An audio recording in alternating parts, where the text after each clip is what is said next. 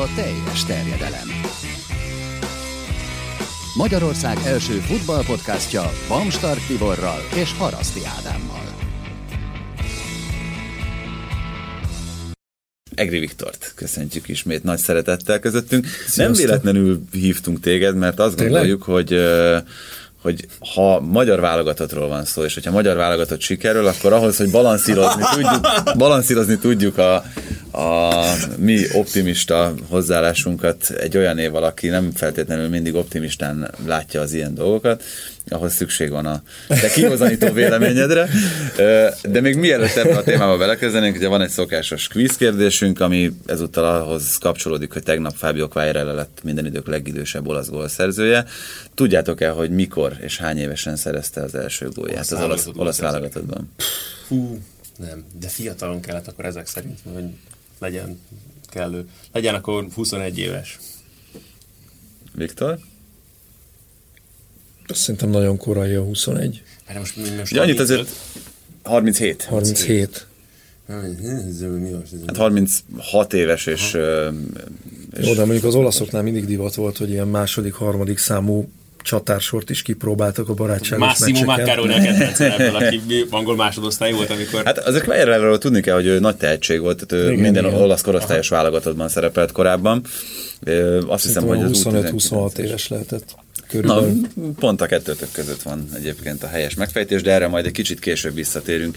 No hát, kezdjünk akkor a magyar válogatottal, amelyik játszott két meccset.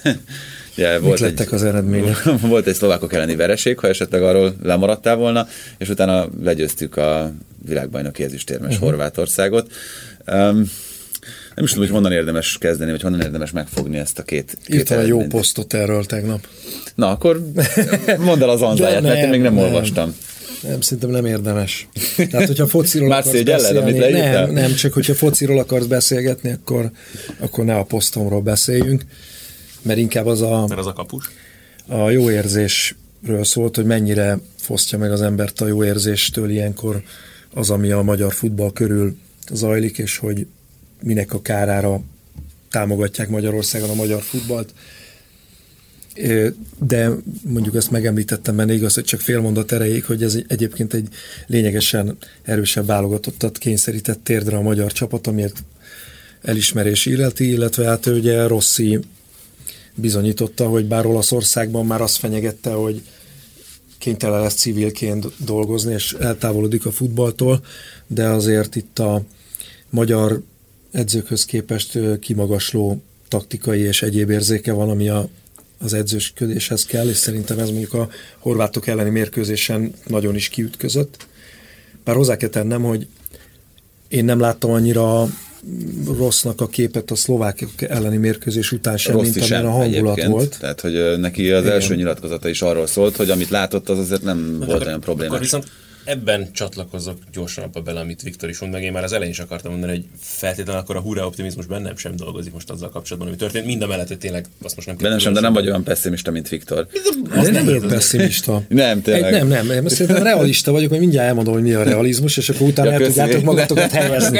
Tehát én leszúrom az origóhoz az ászlót, és, és akkor, meg tudjátok mondani, hogy pessimisták vagytok, vagy optimisták. Na, de figyeljetek, pont ez a, ez a szlovák meccs utáni dolog, amiről beszéltek, hogy miért értékelték ilyen halálosan ezt a szlovákok elleni vereséget, mert mindenhonnan az mondja, hogy igen, ott a lehetőség, és hú, meg kell csapni őket, és hú, miért is ne jöhetne össze, és Szlovákia, és azért, holott azt látják, hogy ez a szlovák válogatott is erősebb, mint a magyar hogy válogatott, csak tényleg azt kell végignézni, hogy ki hol játszik, és akkor nem nincsen miről beszélni. Csak Önáltatás. És akkor ez, amit kitettem az Instagram sztorimban, és tényleg rögtön már bocsánat rajta, amikor néztem, hogy az M4-es szakértők miket tippeltek, egynek a vereség nem volt a két meccsre a négy szakértő nyolc tippjében. Most aztán tegyük hozzá rögtön, és meg Peti telébe trafálta aztán a kettő egyes horvátok elleni győzelmet, de ők mondjuk betippelte ugyanezt az eredményt a szlovákok ellen idegenben is. Jó, Tehát, de hogy... hogyha hülyeséget tippelsz, akkor is nyerhetsz ilyen a sport. Persze, ez így van, de pontosan ezt akar ebből az egészből kihozni, hogy ez egy több jó eredmény tényleg, amit elértünk a horvátok ellen is, de ahhoz is hozzá tudok tenni majd még egy-két dolgot, mert volt szerencsém a horvátok az Eriek elleni meccséhez is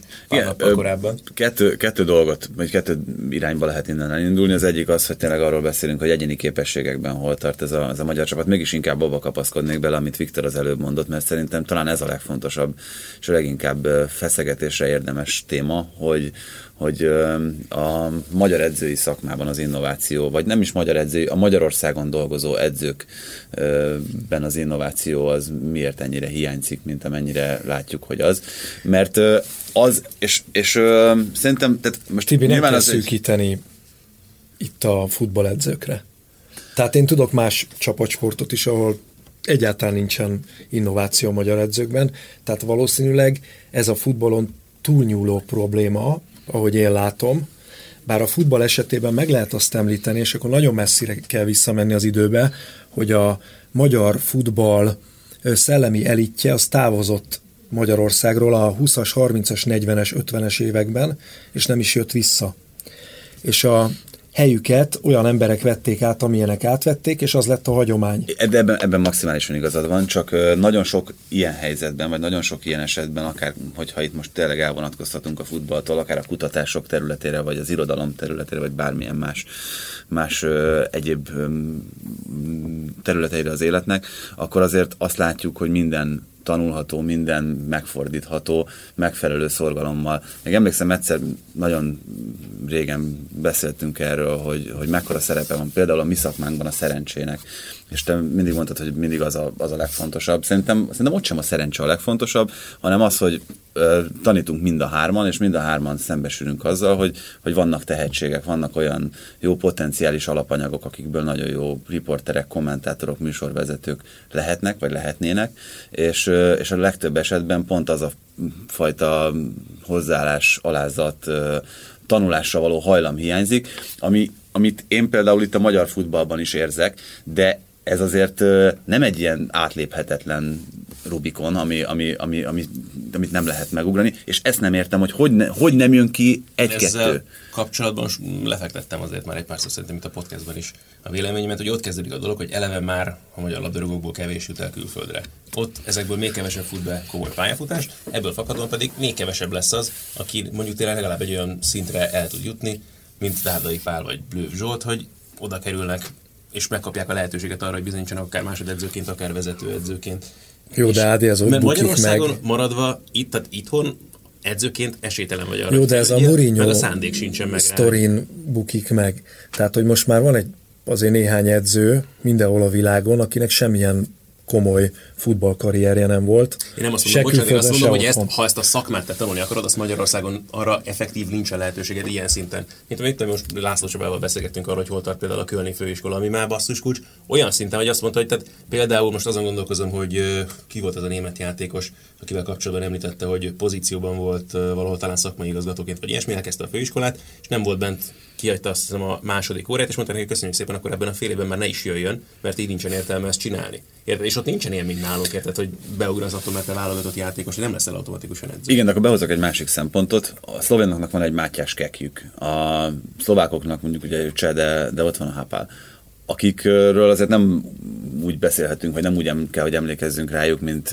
akár sztárfutbolisták külföldön, és, és nagyon komoly külföldi mutat. Tehát, hogy képes volt kitermelni az ottani, az otthoni rendszer is olyan szakembereket, akik aztán komoly eredményeket tudtak elérni, és, és pont azt az innovációt látod az ő munkájukban, amit én itt ebben, ebben hiányolok. Tehát hogy létezik az, hogy, hogy itt Magyarországon Márko Rossi, aki valóban én nagyon nagyra becsülök, főleg itt a Honvédnál, meg most már azért mondhatjuk, hogy a válogatottnál végzett munkája alapján, de hogy valószínűleg szóban sem került, és lehet, hogy ezek után sem fog soha szériás csapatnál.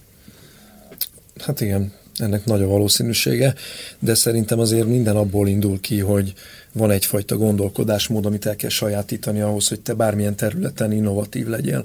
És azért a magyar oktatási rendszert figyeled, akkor már eleve onnan indul ki az egész, hogy nagyon kevés olyan terület van az általános iskolában, ahol arra ösztönzik a gyerekeket, hogy saját maguk alkossanak meg valamit, és találjanak ki valamit. Itt inkább a hatalmas mennyiségű statisztikai és információs tudásanyagnak a bebiflázása számít teljesítménynek, és valahol ez az egészen látszik, amikor eljutunk bizonyos szakmákban a csúcsra, hogy nálunk a legtöbb odaérő ember az képes a megtanult tudásanyagot alkalmazni, viszont abból továbbfejleszteni már a, a sajátját hozzátenni nagyon kevesen.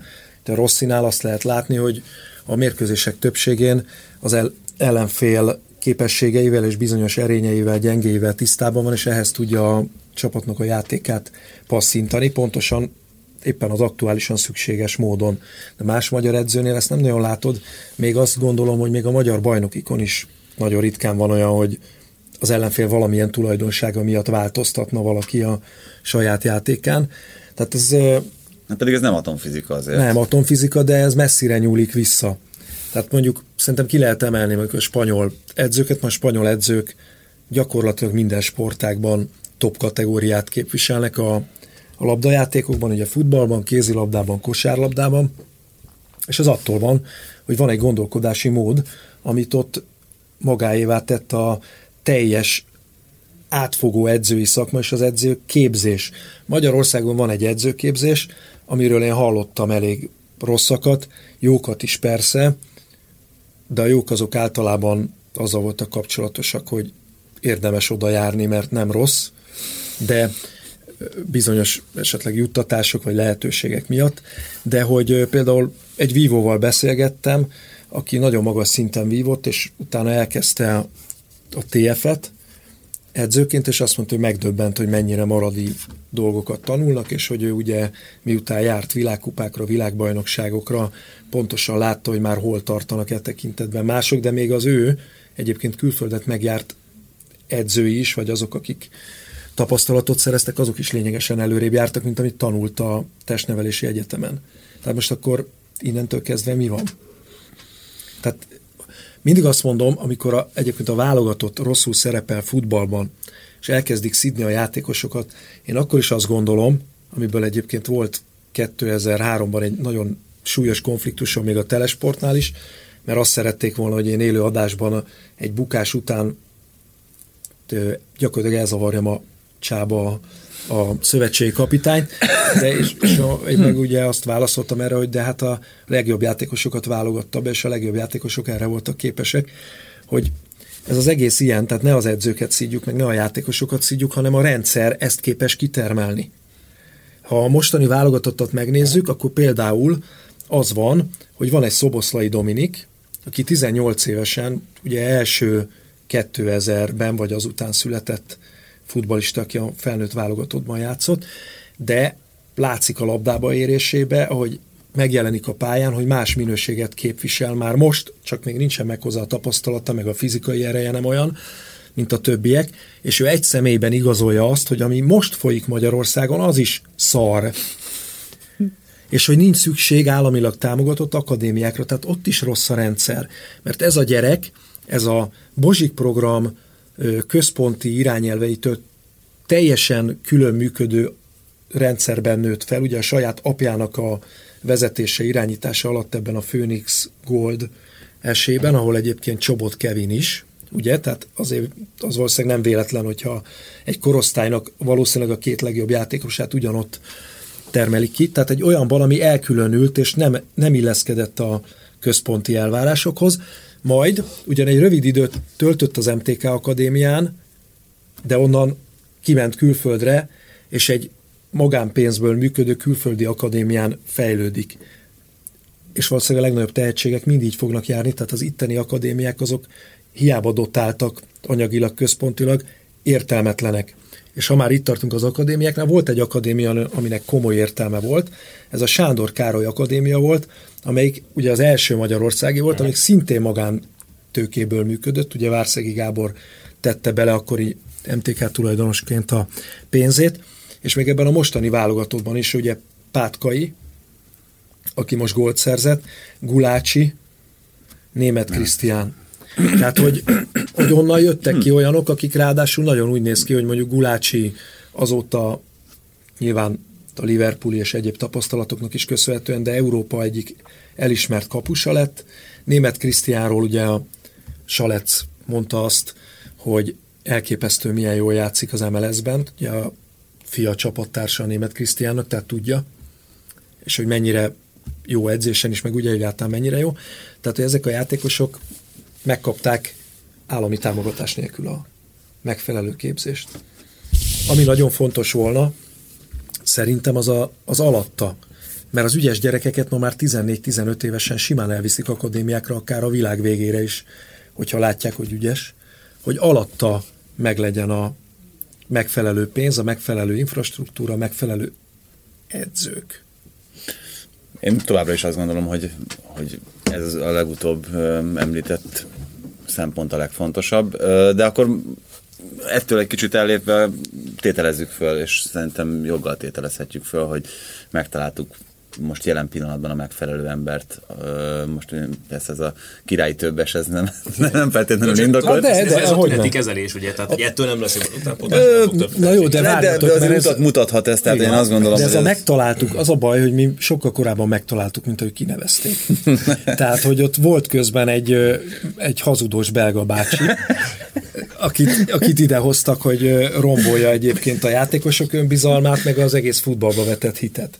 Tehát az a hazudós belga bácsi, aki azóta már több helyen is hazudott, egyébként, tehát ő így járja körbe a világot hazudozni, az, az a bácsi, az tényleg egy teljesen értelmetlen Ez időszak a volt. futball problémákra mutat rá. Tehát George Lakens valószínűleg Csányi Sándor nem saját maga találta ki, és nem is saját magától jött ide kopogtatni, hogy jaj, gyerekek, nekem van egy nagyon szép élet, a, a, Várjál a kopogtatással, ne legyél biztos, mert én szerintem ő így ez az éjszakai kísértet, tehát hogy körbejár és kopogtat. Szerintem nem, minden ajtón bekopogtat. Hogy nem ő kopogtat, hanem csak, kopogtat egy ügynök. Hát igen, aki... csak kinyitja ki az ajtót. Tehát nem kell kinyitni az ajtót. Meglátod a hazudós bácsit, amikor kikucskálsz a, a kis nyílásra, és azt mondod, hogy húj, húj, nem, nem vagyok itt. Nem vagyok itt, igen. igen de, de tényleg az, tehát azért, hogyha valaki megnézte Lékeznek az életrajzát, akkor azzal is gyorsan szembesülhetett, hogy a világra szóló sikerek, mint olyanok azért erőteljesen elkerülték. Igen, szóval ezzel, szerintem ez az egy gond van, hogy ez a válogatott előrébb tarthatna, még ennél is.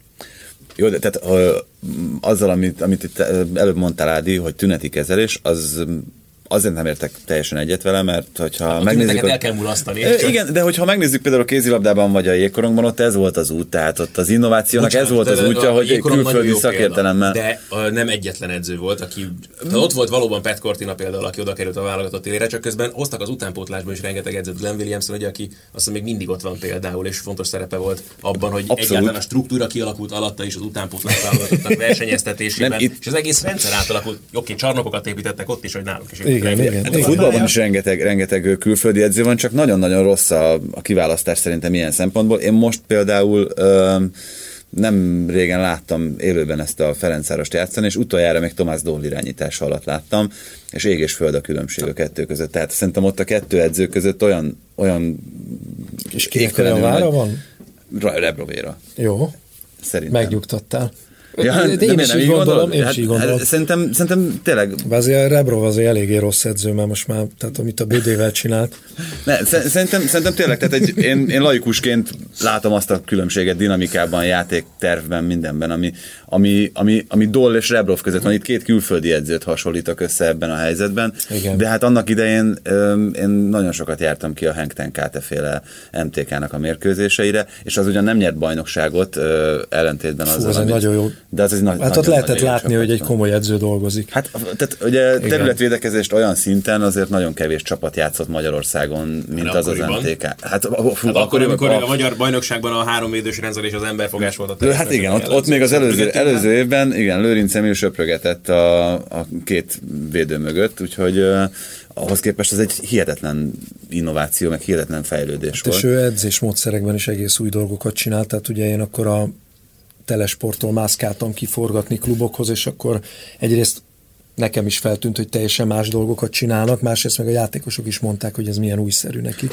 Szóval nem ezzel van szerintem a probléma, mert tehát, ö, lehetne ez nem tüneti kezelés, hogy, hogy Rosszit megtaláljuk a, a megfelelő helyre, és akkor legyen ő a... Az nem baj, sőt, tök jó, hogy már Rossi ott van. Tehát... Ja, nem, persze csak azt mondom, hogy ez működhetne jól, hogyha ezeket a, az embereket, mint amilyen Tenkáte, amilyen Rebrov, nem vetnék ki előbb-utóbb ez a közeg magából, mert amit, amire itt az előbb utaltál, az pont ebbe a, ebbe az irányba mutat megint, hogy szegény bödével hogy bánik, a, a, tehát most nyilván lehet ezt Nincs ilyen érzelmi síkra tere... tekintettel arra, hogy mi ilyen érzelmes emberek vagyunk, és ragaszkodunk bizonyos dolgokhoz, és a böde az egy dolog, amihez ragaszkodunk. Tehát azért ebben mondjuk a Márko Rossi is belebukhat, hogyha nem teszi be a keretbe. Hát, hogy nem tudom, hogy ezt észrevettétek egyszer utána néztem, és tényleg unom a hülyeségeimet, de már, már annyira felkaptam a vizet egyszer-egyszer, hogy miért kell a bödét minden válogatott meccsen az utolsó 15 percet betenni, amikor a grupamában játszik a válogatott.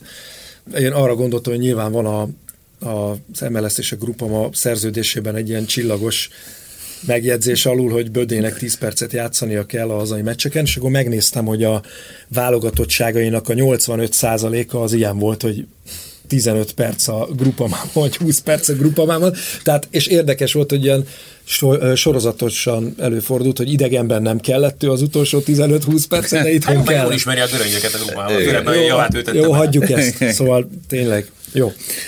Én remélem, hogy ezzel nem bukik meg rossz, ami viszont fenyegető veszély, az ilyenkor, amikor úgy, ahogy megy egy edzőnek Magyarországon, akkor felszokott merülni más sportágokban mindenképpen, és szerintem ebben is előbb-utóbb, hogy na jó, de tud-e magyarul?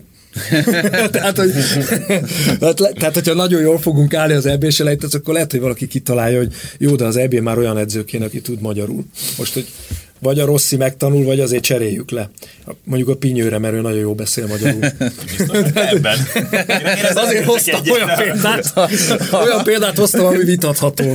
tehát, jó, tehát leselkednek veszélyek, de mondjuk, hogy. De meg lehet-e lovagolni ezt a hullámot? Hát, hogyha oda-vissza verjük a horvátokat, akkor azért nem tudom, hogy akkor milyen nyelvtudást követelnek majd, amit... Na jó, de szóval... akkor tényleg beszéljünk egy kicsit konkrétabban erről a két meccsről. Um, ugye elég más megközelítéssel kezdtünk el futballozni a szlovákok ellen, mint a horvátok ellen. Ez, ezt tudjuk be kísérletezésnek, vagy annak, hogy idegenben egy teljesen más szerkezetben, hadrendben, játékfelfogásban gondolkozott Rossi, vagy abban, amit itt az előbb te is mondtál, Viktor, hogy, hogy egész egyszerűen az ellenfélhez akartuk alakítani Szerintem jobban a játékot. Ennek így együtt is, meg annak is, hogy az is látszik az első pillanattól kezdve egyébként már Rosszinál, hogy amikor vannak ezek a válogatott hetek, akkor ő nem egy meccsben gondolkozik, és nem egy kezdőcsapatban, hanem abban, hogy igenis tehát például, amíg a francia válogatott felállt Katra ugyanazzal a két kezdőcsapattal egymás után, ez is egy érdekes felfogás, de azt is látjuk, hogy hol és mennyit játszanak azok a játékosok, és nyilvánvalóan azzal is tisztában volt például, amit ugye a barát Botondal kapcsolatban is elmondtak és hangoztattak, hogy jetlaggel küzdött, még átállással voltak problémái, ezért sem merült fel, hogy már az első meccsen ott legyen. Ezekkel is nagyon jól dolgozik, és nagyon jól variál szerintem már Rossi. Ezt is bele számította szerintem ezekbe a dolgokba. Igen, igen, ezt nagyon figyelembe veszi, hogy ugye a magyar játékosok egy jelentős része nem bír kettő ilyen iramú Intenzív, mérkőzést, szerintem négy napon belül biztosan nem és akkor ezt nyilván vannak műszerek, meg a technikailag jól ellátott a magyar sport, tehát fel is tudják mérni, hogy ki milyen állapotban hát van, és mennyit fog erre, ezt, bírni. Ezt leginkább erre alapozva érte el szerintem a sikereit, hogy ő, neki nagyon pontos adatai voltak azzal kapcsolatban, hogy erőléti szempontból mondjuk Most hogyan is biztos, hogy így van. a futballisták. Abszolút. Tehát e- emiatt is lehet, mondjuk itt csomóan mondták, Ugye a vereség után, a vereség után minden rossz, a győzelem után minden jó, ugye? Tehát ez a magyar felfogás. Hát ez mindenhol ez a felfogás. De szerintem, tehát, nem, én szerintem ebbe, tehát ez, ez az amplitúdója az érzelmeknek, ez szerintem nagyon kevés helyen van, hogy, hogy vagy éppen öngyilkosak akarunk lenni, vagy nem tudom, a keblünkre öleljük a kutyaszart is a sarkon, annyira boldogok vagyunk, de hogy tényleg, hogy én azt éreztem a szlovák meccsen, hogy amit mondanak, hogy mi mennyire elfáradtunk a végén, ez pont nem volt igaz. Tehát egy csomó olyan volt, lehet, hogy az utolsó három percben igaz volt, vagy öt percben, de az utolsó húsz percben Ott a, legjobban. a magyar csapat a legjobban játszott, párharcokat nyertek a játékosok, még néztem is, hogy Kiskokó is hogy leütközi a nála félfejjel magasabb ellenfelet, és hogy hát szerintem fizikálisan semmilyen probléma nem volt. Az lehet egyébként, hogy azért annyira nem vagyunk jó állapotban, hogy emellett a fizikai teljesítmény mellett a szellem is friss maradjon, és hogy ezért jönnek a hibák.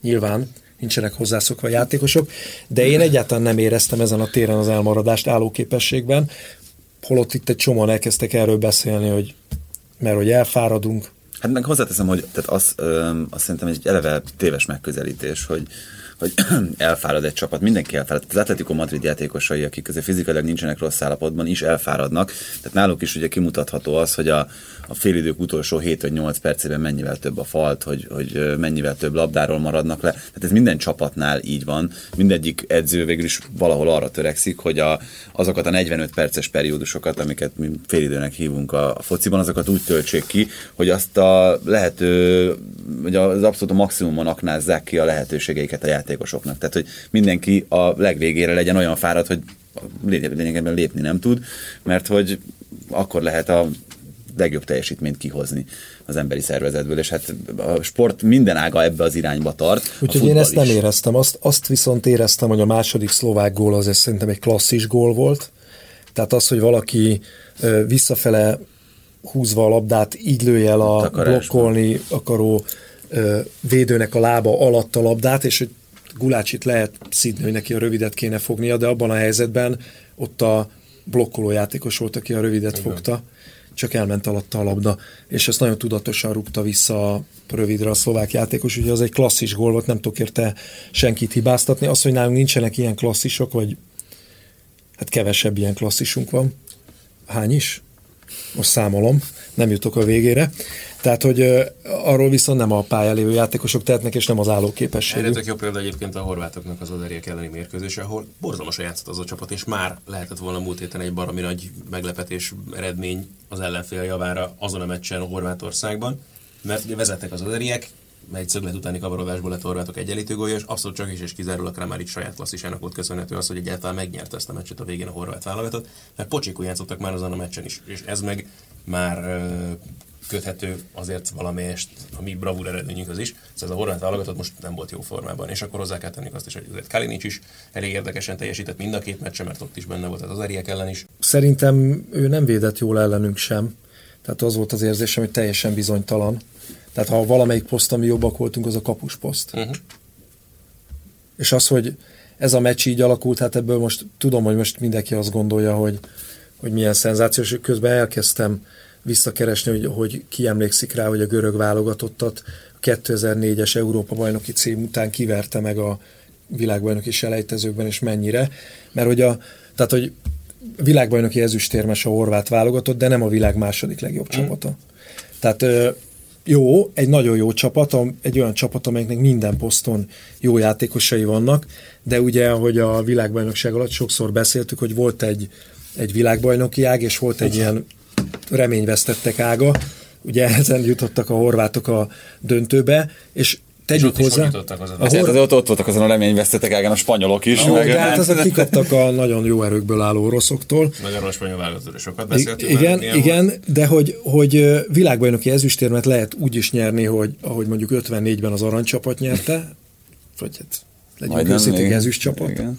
Tehát, hogy, a, hogy te vagy a legjobb, de kikapsz a döntőben, van ilyen, és van olyan, hogy hát nem biztos, hogy benne vagy a nyolc legjobban, de olyan ágad volt, meg megnyerted az összes meccset hosszabbításban, meg 11-es párbajban. Hát ez szerintem a, a török válogatottnak a 2002-es VB, igen, igen. De hát az én a görögöket ezért hoztam fel, mert az Nem a... találkoztak európai csapattal. Igen. Tehát a 2004-es görög válogatott sem az Európa bajnokság legjobb csapata volt, tehát ne tévedjünk. Ahhoz az kellett, hogy volt egy nagyon jó rendszer, és volt egy csomó szerencse. Tehát az ellenfelek kihagyták a helyzeteket, ők meg azt az egyet, ami volt meccsenként, azt Harry Styles révén értékesítették, igen. És akkor, tehát, hogy ez ilyen, tehát ilyen szempontból ne értékeljük ezt túl, egy a világ elithez tartozó csapatot vertünk meg, de nem egy nem Brazília, nem Argentina. Tehát a VB ezüstérmes, az jó fogalmazva, hogy a VB ezüstérmest vertük meg, de nem a világ második legjobb csapatát. Ez, ez tiszta sor, és igen, azt is hozzá kell tenni, hogy nem volt, nincsen jó formában per, per pillanat ez a horvát válogatott de mindezzel együtt is, tehát félreértések elkerülése véget, mi nem akarjuk egyáltalán elvenni a magyar válogatott érdemeit, mert ez egy baromi nagy siker, és tényleg... Csak tudni kell, hogy mi az érdem. Így van. Hát tehát, persze, hogy... meg, meg, az, amit, amit itt a, még az elején elkezdtünk fejtegetni, hogy, hogy ha egyéni képességekre bontjuk le, akkor melyik csapat hol van, akkor azért a horvátokkal szemben nagyon csúnyán alul maradunk. Persze. Nyilván. Akár, hogyha egyénileg bontjuk le, de hogyha Jó, csak csapat részekre... kilencszer valószínűleg nem nyernénk, hatszor esélyünk sem volna, tehát Nagyjából ez, és, és most tízből az az egy volt, amit meg tudtunk nyerni. És ez tök jó, mert ez nyilván az is kell, hogy annyira felkészült legyen a magyar csapat, hogy élni tudjon az esélyeivel. Mert korábban ez se feltétlenül volt meg mindig így van. Igen, meg az is kell, hogy éppen a horvátok ne legyenek olyan paszban, de hát most jó, hát hogyha jó paszban van Rakitic, Modric, hát akkor mit csinálsz? Akkor labdát se szerzel a középpályán, nem? Abszolút. Persze. Hát most ez ilyen. Az egy másik kérdés, hogy szerintem a horvát válogatottnak Mandzukic minden korábbinál, gondoltnál sokkal jobban hiányzik.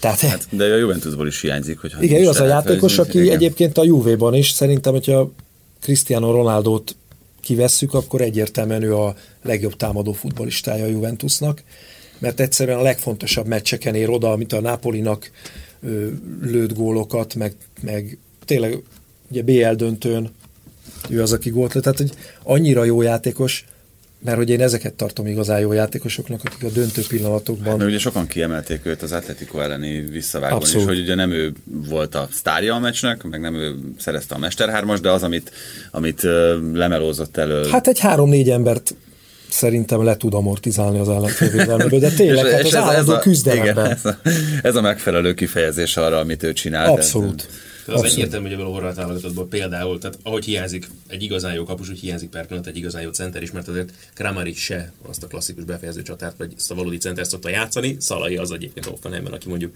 azon a poszton ilyen feladatkörben szokott például előtte játszani. És ugye az sem véletlen, hogy az előző meccsen ugye Petkovics volt, aki kezdett ő aztán csereként ellenünk is, ő meg azért feltétlenül nyilván nincsen. Tehát Mandzukic semmiképpen sem melegedhető egy szinten. Igen, és itt a felívett labdáknak nagyon nagy szerepük volt.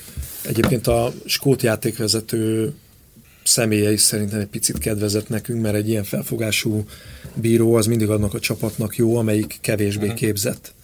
Mert nyilván az akar erőből meg triplán oda lépve. Párcokra kényszerítve. Most nyilván ebből hülye jöttünk küzdeni. ki, pont a nagy Dominik fél de... Azt nem vette észre. Igen. Tehát az egy dolog, hogy nem vesz valamit észre, de mondjuk szerintem a pátkai féle gólt lehet, hogy lett volna olyan bíró, aki lefújja, és a mondjuk két perccel később meg volt a túloldalon egy olyan, hogy Vida eltűnt egy szögletnél, lehet, hogy lett volna olyan, aki azt mondja, hogy hát azért ez így erős volt. Orbán kartárs ezen túl ne csimpaszkodjon bele az ellenfél karjába, és ne ráncsa a földre, mint Dugovics Titus a törököt a mélybe. Tehát, hogy ez általában az ilyen típusú játékvezető az a gyengébb játéktudású csapatnak kedvez. Ja jó, de hát ezzel is kell tudni élni, és hozzáteszem, hogy ugye amíg az egyik oldalon Kramaric a felívelt labdáknál alig-alig tudott labdát szerezni, addig Szalai meg sorra harcolta ki legalább a szabadrúgásokat. Hát Mandzukic van elől, a felívelt labdáknál akkor kicsit más lett volna a helyzet a magyar védelemnél is. Szalainál érdemes szerintem egy szóra megállni. Na, hmm. álljunk meg egy szóra. Hát ő ő a mi Mandzukicsunk. Hát egyébként ez maximálisan így van. De erről szerintem már egyébként beszéltünk Persze. is, hogy hát ezt nem te mondod először, csak úgy... Jó, de nem, én nem is gondoltam, én nem akarok semmit először mondani. még nem emlegettünk szerintem vele kapcsolatban, de... de szóval igen. azért az, hogy valaki ilyen keményen fogalmaz az egyik meccs után, és utána, amikor támadhatóvá válna egyébként, mert hát le lehetett volna róla szedni a keresztvizet, hogyha itt a horvátok ellen mondjuk egy gyenge teljesítmény nyújtás 3-0-ra kikapunk, akkor szerintem az a nyilatkozata előkerült volna, még lehet, hogy csapaton belül is. Mm, igen, egyébként. Akkor jön és gólt lő. Igen, nekem nagyon kettős érzéseim voltak egyébként azzal a nyilatkozattal kapcsolatban, mert egyrésztről örülök annak, hogy őszinte, meg hogy, hogy végre valaki beszél a, a problémákról, és nem a szabvány, szabvány sablon válaszokat adja. Viszont bennem De a is azért, lenni, igen, akkor nem igen, biztos, bennem is megfogalmazódott az, amit egyébként ugye Hajnal Tamás szerintem egészen jól megfogalmazott, hogy ezt azért lehet, hogy először a, a csapattársadnak mondod meg. meg lehet, hát, hogy ő a pályán elmondta. hát, igen, és utána, hát simán lehet, hogy elmondta. Hát meg utána az öltözőben egészen biztos. Tehát, hogy jó, de, de szerintem ezek azok a viták, amik egy öltözőt is előrébb visznek, meg egy csapatot is előrébb visznek. Tehát, hogy ezeket nem kell takargatni. Meg jó, ezeket... de, de egyébként lehet, hogy az, hogyha a nyilvánosság előtt mondja el, és, a, és ezt olvas, olvassák mindenhol a játékosok is, meg hallják vissza, az utána arra kényszeríti az egész csapatot, hogy utána úgy üljön le beszélgetni róla, hogy komolyan is veszi. Mert Igen, hogy egy nyomás mondom, hogy... nehezedik rájuk, tehát lehet, hogy van egy ilyen aspektus ennek, én nem tudom, tehát lehet, hogy egy ilyen De nektek szimpatikus volt így első körben? A, a én szerettem az ilyen nyilatkozatokat. De csapattársként hát nyilván belegondol az ember, hogy lehet, hogy nem esne jól, hogy ott az első gól miatt mm-hmm. engem így a nyilvánosság előtt vesznek elő. De hát ez van. Nem éreztem annyira biztosnak egyébként első körben sem, vagy nem tudom. Nyilván Szalainak ilyen szempontból meg múltja is van. Nyilván egyébként is hajlamosabbak szerintem az emberek. Tudjuk, hogy mire számíthatunk. Ezekre így van, ezekre a történetekre összességében nem éreztem, hogy ezzel akkora gond lett volna, sőt, tehát hogy nem baj az, hogyha néha valódi dolgokról is beszélünk, és nem csak arról, hogy nehéz volt az ellenfél, idegenben játszottunk, 90 percen keresztül küzdöttünk, tehát ennél ez egy sokkal... E, igen, csak a, tehát ahhoz vagyunk hozzászokva. Az önkritikához nem vagyunk. Igen. Ahhoz nem, de, de önkritikát nem gyakorolt Szalai sem. Hát de mert ő az egész csapatról mondta, hogy rosszul De magáról védek. nem nem beszélt. Támadásban akkor, is voltak hibák. Ez akkor, ez akkor lett volna szerintem hiteles, vagy ennél hitelesebb, hogyha egy, egy nagyon kicsit önkritikusabban hát. ö, fogalmaz. Tehát, hogyha, hogyha legalább egyszer-kétszer benne van a többes szám első személy. Ö, Nekem sokkal inkább nem tetszik az, amikor már a mérkőzés tizedik percére világossá válik mindenki számára, hogy Szalai dobálja magát. Tehát ezen a két meccsen, amit előadott nagy halálként, tehát hogy a, otthon néztük a fiammal félszemmel, én mást is csináltam. És akkor mondja, hogy úristen ez a nagy ember, hogy mekkorát esett. Hát ugye ő kézilabdázik, tehát eleve mondjuk a szabálytalanságról más fogalma van, mint amiket itt néha látunk, és hogy a 190 valahány centis, 90 valahány kilós ember összedől azért, mert hozzáérnek a vállához. Hát szóval ez röhelyes, de hát mondjuk a lassan hozzászokunk ahhoz, hogy tehát ezeknek a játékosoknak kell, hogy legyen egyfajta vastagabb bőr az arcukon, mert Ugye országvilág előtt egyébként nevetséges, hogyha a lassítást megnézik, de hát fel kell vállalniuk, és ugye vannak olyan játékvezetők, akik a tizediknél sem jönnek erre rá. de e- ebben, ebben, csapat... ebben azért vannak nála sokkal rosszabb. Igen, de ennek a, a csapatnak az egyik szerintem. nagy erőssége, az pontosan egyébként minden tekintetben az a, az állított labda. Tehát nekünk jó fejelő játékosaink vannak, Szala is ilyen, de hát Orbán is ilyen, és a védelemből, aki előre megy, mind ilyen. Tehát nekünk hasznos az, hogyha valaki szabadrugásokat harcol ki olyan helyről, ahonnan be lehet ívelni. És Szalai erre megy rá. Most az egy kérdés számomra, hogy egyébként a játékvezetők majd akik a következő meccseinket fújják a selejtezőkben, azok fognak-e már erre figyelni, hogy az a magyaroknál egy taktikai elem, hogy Szalai a döglött hal módjára kuppal le a gyepre, és már kibelezett. Tehát, mert nekem ez nem tetszik. Tehát mondjuk jó, de tehát abban... Tehát ha Neymar mémeket töket... érdemel, akkor mondjuk ő Kielini sokkal inkább, de Szalai is. Mm. Ne, de abban, abban, abban egészen biztos, hogy igazad van, hogy ez, ez taktikai elem, tehát hogy ebben, ebben is azt láthatjuk, tehát mint, moz, mint fő mozgatórugót Szalaiban, hogy, hogy ez valószínűleg erre fölhívja a figyelmét. Igen, de a Gornad Mária színi tanodába többet kéne járni, szerintem, mert Hát ez egy kis... Jó, de ez, ez azért, egy, egy ez kicsit műértő ember, nem, egy kicsit azért, műértő ember ezt nem eszi meg. Ez azért hülyeség, mert ezt, ezt, ezt, ezt, ezt, nagyon, ezt, ezt nagyon, nagyon sokan próbálják de, sokan, sokan, a nemzetközi jó. futball világában. Tehát, hogy jó, de ettől én, nem, nem, ettől én még nem szeretem. Nem, csak azt mondom, hogy ez nem kirívó példa, amit Szalaitól látunk, szerintem. De ez nem biztos, hogy jó. Tehát... Jó, tehát nekem ez kevésbé szimpatikus, mint a nyilatkozatok, de... Erre szokták mondani, hogy nem tudom, a cél szentesíti az eszközt, meg nem tudom, szerelemben, háborúban Jó, a cél szentesíti az eszköz mondás, tudom, hogy gyakorlatilag ez egy Mindenre teljesen elfogadott valami, de mondjuk ez is azok közé tartozik, amiket én viszont nem annyira fogadok el. Tehát én szerintem ez egy borzasztóan erkölcstelen kijelentés, még akkor is, hogyha az emberek ezt nem gondolják végig. Na, szerintem... Nagy Ádámról még beszélünk? Beszéljünk. Csak azért, mert ugye Márko Rossi nak valószínűleg van valami rokoni kapcsolata, mert, mert hogy tehát ő soha nem felejti el ezt elmondani, hogy Nagy Ádám, mit mondta, hogy lenyűgözi, vagy mi volt a legutolsó? Azt igen. És hát akkor ben volt a Digisportban, a Csizmaszár című műsorban Márko Rossi, ugye hogy az olasz futballról beszéljen, akkor is szóba került Nagy Ádám, és akkor azt mondta, hogy a Juve elleni meccsen ő volt a legjobb, de hogy nem úgy a bolonyában, hanem úgy a, a mezőnyben, az egész igen, mezőnyben, hogy én szerintem, tehát tényleg Nagy Ádám egy nagy érték, de ez túlzás. Ugyanakkor nyilván meg kell próbálni valahogy kiegyenlíteni ezt a szörnyű sok kudarcot, ami amit, egyébként amit Mihálylovics okoz. Hát igen, Ádámot éri egy csomó kudarc, viszont egy dolog elvitathatatlan Ádámtól, hogy iszonyatosan sokat fut, és ugye ott a, pont ebben a Csizmaszár című adásban mondtam Márkó Rosszinak, hogy én ezért nevezem így magunk között fehér kenyainak, de tényleg Nagy Ádám, és, és a kék kenyai után szabadon. Igen, a Ramirez után, aki a két kék kenyai volt a braziloknál, csak ugye a kék az a mezéből, a Cruzeiro mezből jött, Ádámnál a fehér az nem, az a bőrszínből, de nem rasszizmus, remélem. Tehát, hogy ő iszonyatosan sokat fut. Egyébként beszélhetünk tényleg a válogatottak kapcsán is a rasszizmusról, de hogy, hogy még mindig az az érzésem, hogy, hogy neki a futballban nagyon sokat kell fejlődnie. És hogy tehát az, az amit Mihajlovic csinál vele a szériában, ugye azt csinálja, hogy ő tette a padon, igen. sőt most hát a utolsó a padon sem volt.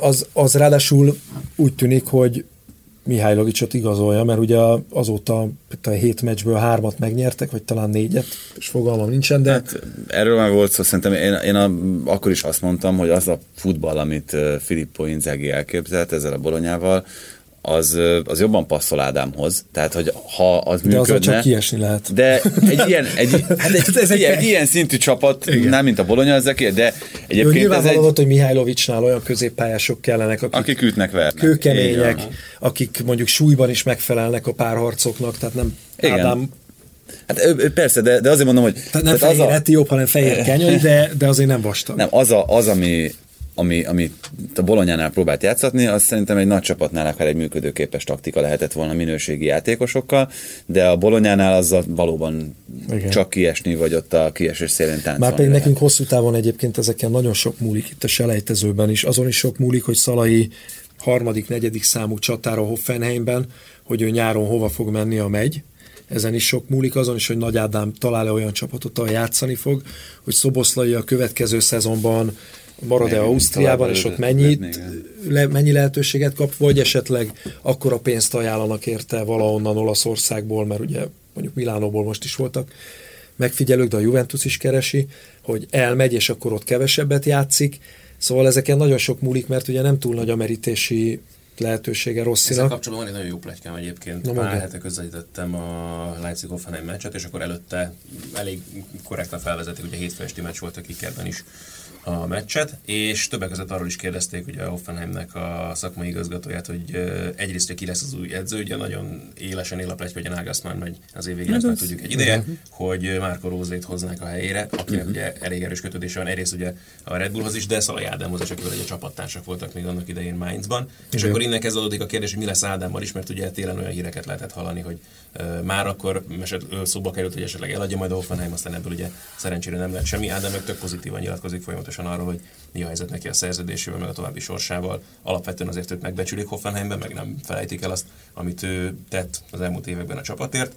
És hogyha tényleg érkezik egy ilyen edző, aki nem mellesleg Szoboszlai Dominikkal is úgy tűnik, hogy egészen jobban van, igen, igen, akkor igen. még ez a vonal se feltétlenül leírandó. Márkor Rózéről az jut eszembe, hogy Klopp könyvében szerepel az, hogy amikor ő a mainz először feljutott az első osztályba, akkor és nem emlékszem már pontosan, hogy hogy volt, hogy Klopp mondta neki, vagy lehet, hogy Márko Róze mondta önironikusan magára, hogy ő a legrosszabb német első osztályú futbolista, aki, aki volt a történelemben, mert hogy egy abszolút ilyen másodosztályú futbolista szintre képzelte ő magát, csak hogy azzal az egyébként komoly innovációval, futballozó mainz sikerült feljutni, és, és, és így ő is szerepelhetett a Bundesligában. Viszont nagyon jó edző. Hát ő egyébként nagyon, nagyon hasonló mm, filozófiát, meg mentalitást képvisel, mint Klopp, azt, ezt is szokták mondani vele kapcsolatban. Úgyhogy... Hát meg nagyon érik ebbe a Red Bull gépezetbe. Mint ahogy egyébként tehát nyilván annak a, az alapjai is egy kicsit, Persze. kicsit kapcsolódnak. Nekem nagyon szimpatikus volt, amikor ugye a Szoboszlai bemutatkozott most az európai porondon a Napoli elleni meccsen, és rögtön kezdő volt, és ugye ketten hiányoztak a középpályáról sérülés miatt, és a, volt egy interjú pont a mérkőzés előtt Rózéval, már a pályán, tehát közvetlenül a mérkőzés előtt, és ott a riporternő feltette ezt a kérdést, hogy akkor ezek a fiatalok most, akik bekerültek, így Szoboszlai is ezektől mire számít, és az, ahogy azt kezdte el rögtön mondani, hogy egy pillanatig nem aludt nyugtalanul az éjszaka, mert teljesen biztos benne, hogy ezek a játékosok ezt kiérdemelték a munkájukkal, és hogy nincs más feladatuk, mint hogy élvezzék ezt a lehetőséget, és megpróbálják a legtöbbet kihozni belőle. Hát szóval... Tehát hát így kell, így kell kezelni. Ezt kívánja így az ember kezelni, egy pontosan. fiatal futbolistának. Pontosan, meg ez nagyon jó, nagyon jó az a, az a Red Bull rendszer szerintem, uh-huh. amiben, Igen. amiben Dominik palérozódik. Na, beszéljünk egy kicsit a, a többi Európa bajnok is elejtezőről, és onnan... Volta? Azt hiszem, igen. Onnan fognám meg a dolgot, hogy itt ugye több helyen felvetődtek az angolok részéről, a franciák részéről és az olaszok részéről is az, hogy azért mégse volt olyan nagyon rossz az a Nemzetek Ligája, ahol hasonló szintű ellenfelekkel találkoztak, mert az olaszok nem feltétlenül tudják lemérni egy finnek elleni mérkőzésből, vagy ugye a tegnapi 6-0-ból, hogy, hogy valójában hol tartanak. Uh, nyilván Liechtenstein nem az az ellenfél, főleg tíz emberre, amelyik, amelyik egy ilyen szintű válogatottnak problémákat okozhat. A franciáknak Moldávia nem, nem olyan, amelyik, uh, amelyik komolyan vehető igazából, de most mondjuk a mátaiak ellen pont a spanyolok egy kicsit szenvedtek, de ezt majdnem minden nagy csapat esetében azért el lehet ezt mondani. A mátai spanyol meccs az érdemes hozzátenni, egyrészt nem volt ott egyik a kispadon, aki viszont eleve 8 helyen változtatta meg a kezdőcsapatot, tehát ott azért elég erőteljesen edzőmérkőzésé lett degradálva az a meccs. Hát de... csak az is, ez is jelzi a, a szintkülönbséget. Igen, ez a Nemzetek Ligája az ilyen szempontból jó, de én szerintem nem a top csapatoknál, tehát a top csapatoknál az a baj, hogy számukra a Nemzetek Ligájának igazából nincsen tétje. És, és így azért, hogyha mondjuk barátságos meccset játszanak. Hát akkor kvázi, tartunk lassan, hogy a válogatott meccseknek nincs értelme. Hát a, az ilyen nagy csapatok számára ott nagy tornáknak van értelmük, de azért mondjuk akkor tegyük ide Portugáliát, amelyik ugye két döntetlen elindította az EB selejtezőt, tehát nekik azért most már innentől kezdve nem olyan játékos, ami hátra van a selejtezőkből, mert azért Ukrajna és Szerbia ellen elfogadható egy X, de ha mind a kétszer X-et játszol mind a kettővel, akkor viszont már lehet, hogy bajba kerülsz. És ugye egy-egy x most már túl vannak velük. Tehát vannak ellenpéldák, nyilván mondjuk a spanyol csapatnak nehéz méltó ellenfelet találni egy selejtezőre. Hát de most ennek a jelenlegi angolnak is. Az angolnak is, abszolút. Tehát jó, elkezdődtek a selejtezők, ugye az egyik legnagyobb csapatot mi lepofoztuk, a többi nagy csapat szárnyal. De hát mondjuk, hogyha a spanyolok velünk játszanának, rögtön más lenne a helyzet. Nem? Hát, Mit rögtök? én, én, én, láttam most viszonylag sok meccset, és, és mindig, tehát például láttam a Ciprus-Belgium mérkőzést. Cipruson. Irigyellek. És, Cipruson? Hát így viszont irigy, mondtam, hogy irigyellek. De nem élőben, csak, csak ott egy helyi, helyi tévében, és például az volt az a meccs, amit ugye a belgák negyed óra alatt lerendeztek, és utána valami égtelen unalmas 75 percet lehoztak, és úgy, hogy látszott, látszott mind a kettő csapaton, hogy egy porcikájuk nem kívánja ezt az egészet. Nagyon gyenge hangulat volt, ugye a Nikozia stadion szerintem egy negyedik telt meg, úgyhogy és nem tudom igazából mi a megoldás, mert én itt a Nemzetek Ligája ellen is már beszéltem, nem nagyon erőteljesen, mert nincsen olyan nagyon komoly fenntartásom bele, kapcsolatban, már mint a sorozattal kapcsolatban, de valami nem, nem igazán jó ebben, a, ebben a kvalifikációs Egyáltalán már az, hogy elkezdődött ez a Máta Spanyolország mérkőzés. Most egy dolog, hogy mennyire szoros marad, de hát, hogyha megnézzük, hogy 80%-ban birtokolták a spanyolok a labdát, a mátaiaknak meg eszük ágában sem volt egyébként még csak kósza ellen támadásokat sem vezetni, tehát ez ott a legkeményebb. Nem hülyék. Hogy az egyetlen centerük sem próbált meg se üres területekbe menni, se semmit, bármit produkálni, ott volt tényleg 11 emberrel védekeztek, nem is ez a lényeg ebben az egészben nyilvánvalóan. Baromi nehéz viszont, hogyha meg nincsenek ezek a meccsek, akkor megérted, tehát egy máltai válogatott Máltára soha nem fognak, vagy Máltán soha nem fognak értelmes focit ah, Így, ez az, ez az így abszolút igaz. Tehát, hogy ez... tehát ettől azért nem szabad megfosztani szerintem ezeket a csapatokat sem, amikor arról beszélünk, hogy már miért kell San Marinoval, meg Andorával, meg mit tudom én játszani. Nekik is jár a foci szerintem. Érted, két évben egyszer férjen már bele, hogy játszanak egy ilyen meccset is. Persze. Kétszer Persze, és ugyanakkor, tehát, hogy még egy pozitívumot mindenképpen kiemeljek, ezt láttuk most egyébként szerintem pont a az angoloknál, meg az olaszoknál mindenképpen, nekik mind a kettő meccsüket láttam, hogy a fiatalok felépítésére milyen szinten van lehetőség Abszolút. egy finn, illetve egy Liechtenstein elleni mérkőzésen, tehát hogy ott azért például most tegnap az olaszoknál nagyon jól látszott, hogy az a generáció, amiről már akkor beszéltünk, amikor az olaszoknak nem sikerült a VB kvalifikáció, hogy előbb-utóbb ez el fog érkezni ez a pillanat, amikor, amikor már megkezdődik ennek az új generációnak a belépése, és ez azért szerintem most már elég egyértelműen látszik, hogy, hogy megkezdődött, akkor nem biztos, hogy olyan nagyon nagy bajban lesznek a, az olaszok. Nyilván nincsenek még készen ezek a fiatalok arra, hogy, hogy a legnagyobbakkal, tehát mondjuk a spanyolok szintjével, vagy a németekével vetekedjenek, de, de szerintem elég biztatónak tűnik a jövő. Azt volt jó látni, összefoglalót láttam ebből az olasz Liechtenstein mérkőzésből, de azelőtt is azt beszéltem. Nálatok néztem. Hogy Szóval pont, hogyha a spanyol válogatottról meg az olaszról beszélünk, ezeken a mérkőzéseken ilyen erőviszonyok mellett pont fordítva vártam volna, hogy a spanyolok lesznek azok, akik tényleg megszórják Máltát, és mondjuk az olaszok lehozzák ilyen okosba, ilyen 2 0 val mondjuk. Mm, hát az lett volna, igen, az lett volna az alap. És, és ezt volt jó látni, hogy basszus 40 kapura lövés volt az olasz válogatottnak ezen a meccsen. Tehát, hogy Jó, tudod, hogy az első fél végén kiállítottak egy, egy Liechtensteini védőt. Nem feltétlenül korrekt módon. Igen. Az, az... a vállával blokkolt egy lövést, és akkor azt úgy, úgy értékelte a bíró, hogy beleütött a gólba tartó labdába. Hát ugye nincsen videóbíró még, hála Fú, jó hát égnek. A, hát a portugálok nem örülnek annyira, mert egy teljesen egyértelmű 11-es nem adtak meg a szerbek elleni meccsen nekik. Azt nem láttam. Rukávina beleütött egy labdába a 16-oson belül. Hát tényleg, hogy mozdult a kéz, meg nem volt természetes a kéztartás, de mondjuk mostanában ez már nem szokott. Tehát ha videóznak, akkor nem számítnak. Akárhogy hozzáért a kezéhez, akkor 11-est adnak most már de itt még mozdult is, és nem volt videó. Kivéve, hogyha a Csakiról van szó. Nála semmi sem egyértelmű, semmi sem biztos. Csak. Az sem biztos, hogy megnéz. igen, ami, ami ez éppen kedve. Hogyha már túl sokat videózott előtte, akkor utána már nem. És még van idő, hogy Európán túra nézzünk? Hát hogy ne lenne, de még várj, de, a brazilok is. Igen, de, de, ja? de, de még nem akarom, ezt, nem akarom ezt teljesen ezt Azt hittem, hogy befejeztük. Nem, hát ugye még meg kell mondjam, hogy Quagliarella mikor szerzett először gólt. Jaj, jaj. Ez, 23. 24 volt, 2007 júniusában volt egy litvánok elleni mérkőzés. Igen, emlékeztem. Amin először volt kezdő Persze. egyébként a, a felnőtt csapatban, és, és ott is betalált, és ugye most majdnem 37 évesen e, duplázni tudott az örök ifjú. Mondjuk az is egy érdekes kérdés, hogy vajon Quagliarella most ezt kicsit ajándékba kapta ezt a Liechtenstein elleni meccset, mert szenzációs szezon. 11-eseket. Hát én meg, de, meg, meg, meg szenzációs szezont fut, tehát hogy most azt néztem, hogy 27 gólnál jár összesen, hogyha minden, hát figyelj, egy minden sorozatot figyelem. az EB tehát... Igen, de én nem gondolom. Meg 7 gól Nagyon meglepődnék, hogyha ott lenne az Európa bajnokság. Hát mondjuk, ha valahol, most ugye Moiseken, Moisekin, mind a kettőt hallottam már. Moisekon. Moise. Hát a, egyébként az olaszok inkább Kennek mondják hmm. őt. Ö, szóval az látszik, hogy, hogy ő hosszú távon egy nagyon jó megoldás lehet, és most, hogy Cristiano Ronaldo sérült, nagyon örülnek gondolom a Juventusnál, hogy, hogy így kapják vissza a válogatottól, és ugye még, még az is kétséges, hogy az Ajax elleni BL meccsre felépül-e.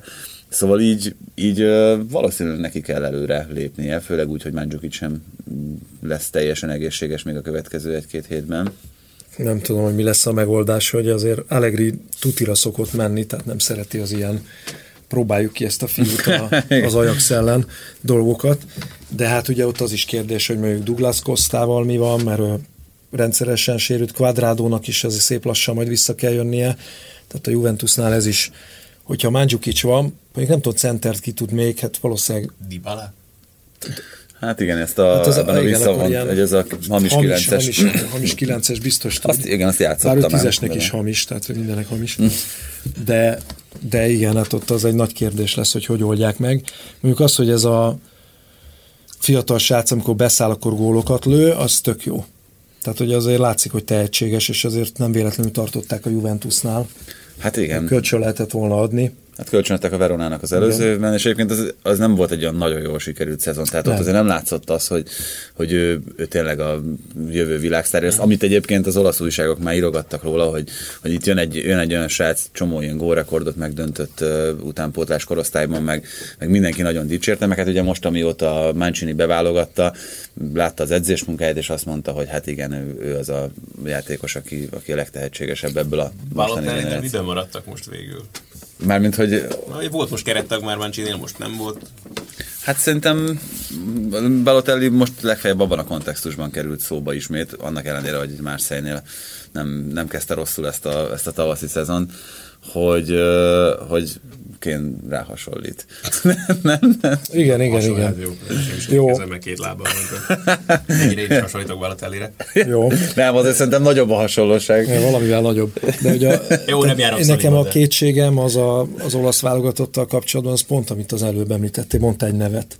Ez a Roberto Mancini. Tehát, hogy én akárhol láttam edzőnek, mindenhol az volt az érzésem, hogy van egy ilyen valami, amit nem tud átlépni, az nem tudom, hogy saját árnyéka-e, vagy, vagy másnak az árnyéka, hogy kíváncsi vagyok, hogy itt képes lesz eredményt elérni, mert az látszik, hogy nagyon bátran nyúl fiatalokhoz, meg kísérletezget. De olyan játékosok az, akik ezt feltétlenül olasz edzők egyébként nem mertek nyúlni. Hát egyébként tehát nem tudom, hogy talán van egy, lesz van egy öt percünk, hogy erről beszélünk, és akkor ezzel átér, átérhetünk a, a brazilokra is. A kísérletezésnek, uh, vagy állandóan kísérletezni fog. Én nekem az a, az a véleményem ezzel kapcsolatban, és nagyon kíváncsi vagyok, hogy ti erről mit mondtok, hogy annyira más típusú edzők kellenek klubedzőnek, meg válogatott szövetségi kapitánynak, hogy nem feltétlenül baj az, hogyha a szövetségi kapitánynak egy olyan, olyan edző neveznek ki, akinek nincsen igazán határozott edzői filozófiája. És én Manciniről például ezt érzem, mert amelyik, amelyik csapatnál volt, ott, ott ö, mindig más láttunk tőle, vagy legalábbis nekem ez volt az érzésem. Hozzá tudta igazítani a keretképet. Hát, vagy nem is, hogy, nem is biztos, hát hogy hozzá vagy, tudta. vagy inkább adhok volt. I- igen, igen. Néha és, és, elképzelhető, az és elképzelhető, hogy ez egy fontos tulajdonság egy válogatott szövetségi kapitányaként, mert egész egyszerűen szövetségi kapitányként nem tudsz annyi időt együtt tölteni a játékosokkal, hogy valami nagyon határozott filozófia mentén tud felépíteni. Nem tudom, hogy például Guardiola működne szövetségi kapitányként, mert Hú, egész egyszerűen, hát egész egyszerűen azért, mert nincs, nincs idő annyira pontosan, precízen begyakorolni azokat a, hát azokat viszont, a mozgásokat. Ha szövetségi kapitány lenne, akkor azért lenne egyszerű helyzetben, mert gyakorlatilag azért az ő étoszát próbálják meg feldolgozni. Igen, tehát azoknál a klubok, vagy azoknál a, a válogatottaknál, ahol megvan az alapjáték, mert hogy annyira egy Bocsánat, csapatra épül. a magyar válogatott szövetségi kapitányaként valószínűleg nem tudná megvalósítani a saját játékot. Hogyha a spanyol kapitány lenne, akkor ez valószínűleg egy működőképes. Igen, tehát hogyha egy, egy filozófiához, meg egy, meg egy olyan gerinchez választasz szövetségi kapitányt, amelyik, amelyik nagyon erőteljes, mint ahogy egyébként az az olasz válogatott, az ilyen volt, amelyik EB döntőt játszott, és ott ugye hét Juventus játékos volt a kezdőcsapatban akkoriban, az ugye Conte uh-huh. válogatottjából volt még. Ott, ott működhet egy ilyen, de most például az, az olasz válogatott ez ehhez képest nagyon szedetvedett, tehát hogy Persze. rengeteg helyről jönnek a játékosok. Itt én nem vagyok benne biztos, hogy rosszul működik Mancini, tehát én azt gondolom, hogy ez az, amire az előbb utaltam, hogy nagyon más erények kellenek egy, egy szövetségi kapitánynak. Na jó, de én most azt látom egyelőre mancini hogy tehát, hogyha sok helyről jönnek a játékosok, akkor az én meglátásom szerint eleve egyszerűbb, hogyha egyféle dolgot gyakoroltatsz velük mindig, mint hogyha mindig mást vársz tőlük, mert az akkor működhet, hogyha személyesen van olyan jó játékkapcsolat közöttük, hogy bármilyen rendszerbe teszed be őket, Igen, csak érteni fogják szinten egymást. van próbálkozás szinten, meg kísérleti szinten még Báncsira, hogy ő hát, még azt sem tudja, hogy ez, a másik meg az, az, hogy nem is ugyanazokat hívja be. Persze, tehát de ezt mondom, hogy tehát ő kísérletezik a játékosanyaggal is, és azzal is, hogy ezek a játékosok milyen rendszerbe illeszthetőek be a legjobban, leginkább. De, de ő még nyilvánvalóan nem, hogy a, tehát nem, hogy a 23 de a 11-et sem tudja feltétlenül még, amit a legjobbnak tart, és nyilvánvalóan, hogy ha ez megvan, akkor valószínűleg ő ahhoz fogja igazítani majd azt, hogy Na, de akkor mondok, próbálnak Mondok valamit, ami az elmúlt évekből szerintem pontosan ugyanígy működött Joachim Löw német válogatottjánál. Egészen pontosan ugyanez volt a helyzet, hogy, hogy állandóan változó kerettel néhány... Hát most megint ez, és hányféle szerkezetben, hányféle játékfelfogásban játszott a, ez a német csapat Löw alatt csak. Amikor világbajnokok lettek, akkor a kezdőcsapatban, ha jól emlékszem, hét Bayern játékos volt. Hát persze, ott is volt egy, volt egy nagyon erős gerinc. Igen, és mellette mondjuk Guardiola volt a Bayern edzője tehát lehetett a spanyolos stílust is játszani. Azért, hát meg ott igen, az a csatár nélküli játék, az, igen, az akkor is de, de Jó, hát előtte, látjuk. utána is egy csomó minden más láttunk a német válogatottól, tehát hogy Persze. ilyen szempontból most nem biztos, hogy meg akarom sérteni azzal Joachim Lővöt, hogy Mancinihez hasonlítom őt, de, de, de azért van némi rokonvonás a kettő között. Igen. Rokonvonás van. Ugye az igazi rokonság az az lenne, hogyha Mancini is elérne hasonló eredményeket, akkor beigazolódna az, hogy mégis egy alomból származnak, de én szerintem ez nem feltétlenül fog összejönni. Csicsinek van-e határozott elképzelése, mert azért ő is elég sok, elég sok mindent változtat. Hát Sajnos. ezen döbbentem meg legjobban tegnap, megint csak amikor néztem az összeállítást az összefoglalót megelőzően, hogy Csicsinél volt már arra például, hogy két ilyen játékos egyszerre szerepelt a középpályán, mint Alan meg Casemiro. Hát talán azért más típusú szerintem. Hát ő kicsit előrébb játszik, de, de itt igazából az a nagy probléma, rengeteg kritikát is kapott ö, otthon a sajtótól, és most a Cselk elleni meccs alatt is Casagrande, aki a, az egyik ö, szakkommentátor volt, és nagyon jó futbalista volt annak idején.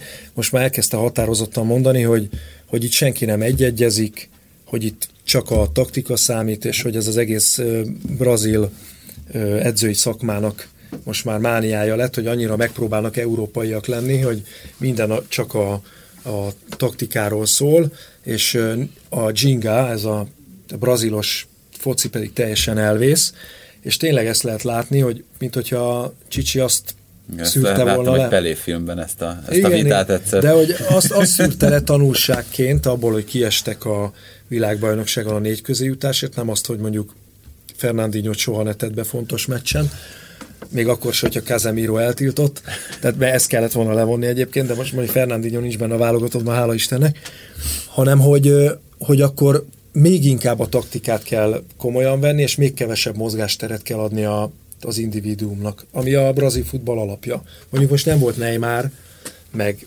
meg ugyan Vinicius Junior behívta, de megsérült. Tehát ez a két játékos valószínűleg a Copa Amerikán, amit Brazíliában rendeznek, nyáron ott lesz. Tehát most volt is róla cikk, hogy Vinicius Juniornál rendszeresen érdeklődik, hogy hogy áll a felépülésben, Neymar már biztos, hogy egészséges lesz. De azért most rengeteg fiatalt próbált ki. Tehát, hogyha csak ezt a kettő meccset veszük, ugye Panamával játszottak egy világra szóló egy-egyet, ugye ez történelmi kudarc a brazil futballban, és a csehek ellen meg úgy nyertek három egyre, hogy a csehek még a szünetben vezettek. Ugye Éder Militaót, akit most már Real visz nyáron, Portóban. betette az egyik meccsen a kezdőbe. Alex Teles, aki nem nagyon volt válogatott, az Szintén ott volt. Igen, Artur most már úgy tűnik, hogy, hogy alapember lesz szép lassan. Lucas Paqueta, akkor egy Everton nevű fiú a Grémióból, aki szintén 21 vagy 22 éves, Richard Lisson, aki szintén nagyon fiatal, Gabriel Jesus jött csereként, tehát hogy az egész csapatnak az átlag életkora szerintem volt olyan, amikor nem ért el a 24 évet pályán lévőké, és hát mondjuk ezt így kell értékelni. Tehát ez nem, nem játszottak jól, viszont amikor a fiatalok beszálltak a csehek elleni második félidőben, akkor elkezdtek nagyon jól focizni. Tehát akkor jött be Everton, akkor jött be Gabriel Jesus, aki végül kettő gólt lőtt. Úgyhogy rengeteg a tehetség, csak hagyni kéne őket játszani. A Csicsi... Nekem ezzel az nagyon sokat támadják most már. Ja, amit mondtál Fernandinho kapcsolatban, amit, az, amit Ádi mondott itt előbb Alánnal kapcsolatban, hogy szerintem Alan Casemiro, Fernandinho mind a három valamilyen uh, egymástól nagyon távol eső játékfilozófiának egy egészen komoly kiválósága, tehát hogy, hogy Alan is nagyon jól tud működni egy bizonyos rendszerben, Fernandinho is nagyon jól tud működni egy bizonyos rendszerben, Casemiro is, de ezek nem biztos, hogy összefésülhetők ezek a rendszerek. Hát meg nem is kicserélhetők egymással változtatásnak. Ja, nagyon nem. Ugye hát ez, ez derült ki a más világbajnokságon hogy Fernandinho be lehet tenni Casemiro helyére, de a, az nem biztos, hogy igen, jó. Tehát abból lesz egy öngól, meg Hát a, a, City, a Cityben zseniálisan működik, vagy képes működni Fernandinho. Ö, abban a rendszerben, amit a brazil válogatott próbál játszani, abban nem feltétlenül. Szerintem Alán például, akit én amúgy nagyon szeretek, nem feltétlenül brazil válogatott szintű focista. Ez lehet, hát hogy ez... megdöbbentő, amit mondok, ez azért egy érdekes dolog, mert ugye Alan két éve követelik a válogatottban, mennyire, hát jó, de... látom, vagy, jó. vagy olvasom. Ő magát legalábbis követeli a Igen, csapatban egy 500, jó ideje. 500 futbolistát követelnek a brazil válogatottban, kisebb-nagyobb rendszerességgel, és körülbelül annyi olyan is van, aki bárhol a világon kerettag lehetne, de Brazíliában nem kellene. Hát Alan David Nereszt mondom, aki most játszott. Az Ajaxos. Az Ajaxos. Aki azt hiszem tíz meccset játszott otthon a Sao Paulo-ban a felnőttek között, és utána rögtön elvitte az Ajax pont az orrom elől, mert akkor mentem ki, és néztem meg egy Santos Sao Paulo meccset, és azon a meccsen már nem játszott. Még ő volt az egyik, akire kíváncsi lettem volna élőben. És és ő most ott van, pedig szerintem lesz ő még valószínűleg válogatott szint, de még most hát nem. Ilyen szabad Zsorzsinyó tök jó példa, nem? Zsorzs, de ja, igen, akkor Zsorzsinyó, ő olasz válogatott, és ő olasz válogatott szint. Már Bocsánat. Tőlem ne kér bocsánat. Az olaszoktól kértem. De akkor mond, most például a új brazilok mutatkoztak be válogatottakban, ugye az, az ukránok honosították Junior Moraes-t, aki a, a Sáktárnak a csatára, most került ebben a szezonban oda, és már van 25 gól körül lőtt a, az összes sorozatban, és 30 év fölött van, hogy Santos nevelt. A következő Premier League igazolása valamelyik nagy klubnak. Könnyen elképzelhető, de mondjuk már ő öreg hozzá, és a Sáktár most igazolt négy 18 és 20 év közötti Brazilt, azokat fogja, a poten- az, azokat fogja négy év múlva 40-50 millióért fejenként eladni. De, és a, az orosz válogatottnál pedig ugye még érdekesebb, hogy az oroszoknál kazakok Guillermo ellen Guillermi a kapus szerepet, és ugye Mario Fernández, aki már régi orosz, de, motorosz. motorosz. De ennél még érdekesebb, hogy van egy Ari nevű focista, akivel biztos, hogy mhm. találkoztatok, ugye a Krasnodar, meg a, volt a Spartak Moszkva, nem tudom, tíz éve játszik Oroszországban. Honosították. honosították, és óriási botrány tört ki. De ő is 32-33 valami. Hát most már 10 éve ott játszik már. Igen, van, igen. Pogrebnyák ugyanis nyilatkozott, aki Olvastam, most a, igen. A, az UEFA, nem az UFA játékosa. Egy betű csak, de micsoda különbség. Hát ott nincsenek ilyen táblák, hogy say no, no to racism, meg ilyenek. Tehát, hogy... Lehet, hogy vannak, csak nem, nem olvassák el őket. Hát, hogy, hogy ő nem is fogja nézni innentől kezdve az orosz válogatott meccsét, mert ő ezt nem bírja, hogy egy ilyen néger van a, a válogatottban. Egyébként a többi brazil se legyen ott. Egy, igen, igen, már, de ő Mário Fernández játszott be, hogyha valakinek élvezetetlen volt a játéka. Igen. Na jó, csak az a szomorú, hogy ott volt egy Veló. orosz válogatott 2008-ban, amelyik fantasztikusan jól játszott, tényleg, és annak Ársavin a tagjai nem. szép sorban nyilatkoznak hasonlókat, tehát Ársavin is nyilatkozott már ilyet, hogy egyébként az összes feketének a nem tudom én micsodáját, és nem merje felhúzni a meszt. Úgyhogy ebből volt nagy balhé, és valószínűleg Ári ezért nem került be ebbe a mostani keretbe, és nem három brazilla játszott az orosz hát, válogatott. Voltak problémái például a saját csapatában, ugye Szentpéterváron például, a saját szurkolóival. Tehát igen, ez igen. Oroszországban egy hihetetlen komoly probléma, vagy hát ők nem élik meg problémának, és ez a probléma. Tehát, igen, igen, náluk ez természetes. Csak hogy nem beszéltünk ugye arról, ami Montenegróban történt. Montenegro az, az is nagyon durva. Igen. Jött az angol játékosokra, főleg Hadzemadoira mm, folyamatosan szálltak a rasszista igen, igen, igen huhogás, meg a nem tudom, csoda. Hát igen, de szerintem most itt berekeztjük a Egy nagyon kedves témával zárjuk be, igen. De mi igen. Most? Ja, a rasszizmussal akart, akkor beszéljünk még egy kicsit a magyar nem, nem, nem, köszönjük szépen, Viktor, hogy eljöttél hozzánk, gyere máskor is. Jövök, hát igazán hétfő mindig ugyanitt vagyok, a másik oldalán ülök az asztalnak. Igen, és hallgassátok a vak szerencsét is, amiben Viktor még Mit többet akartam kézilabdát mondani, valamit? Nem, most nem na, na, na, akkor itt a, a promo másodpercei lejártak. Köszönjük szépen meg a műsoridőn. Köszönöm Sziasztok. Sziasztok. Sziasztok. Ez volt a teljes terjedelem. Magyarország első futballpodcastja Bamstark Tiborral és Haraszti Ádámmal.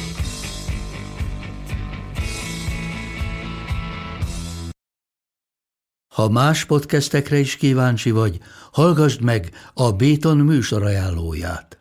El tudod képzelni, hogy a podcastet, amit éppen most hallgattál, fél év múlva már a mesterséges intelligencia generálja? Mi sem. De ha érdekel, eljött már a gépek lázadása. Hallgass bele az Embertelen podcastbe. Orsós Lajos vagyok, a műsor házigazdája. Egyelőre még élőben. Egyelőre. Fedezzük fel együtt, hogyan ismerkedik, randizik, mesél és vitatkozik Betty és Péter, két teljesen mesterséges intelligencia. Lajos, a podcast címét mond még egyszer, Léci. Oké. Okay. Embertelen podcast. Ez a műsor a Béton közösség tagja.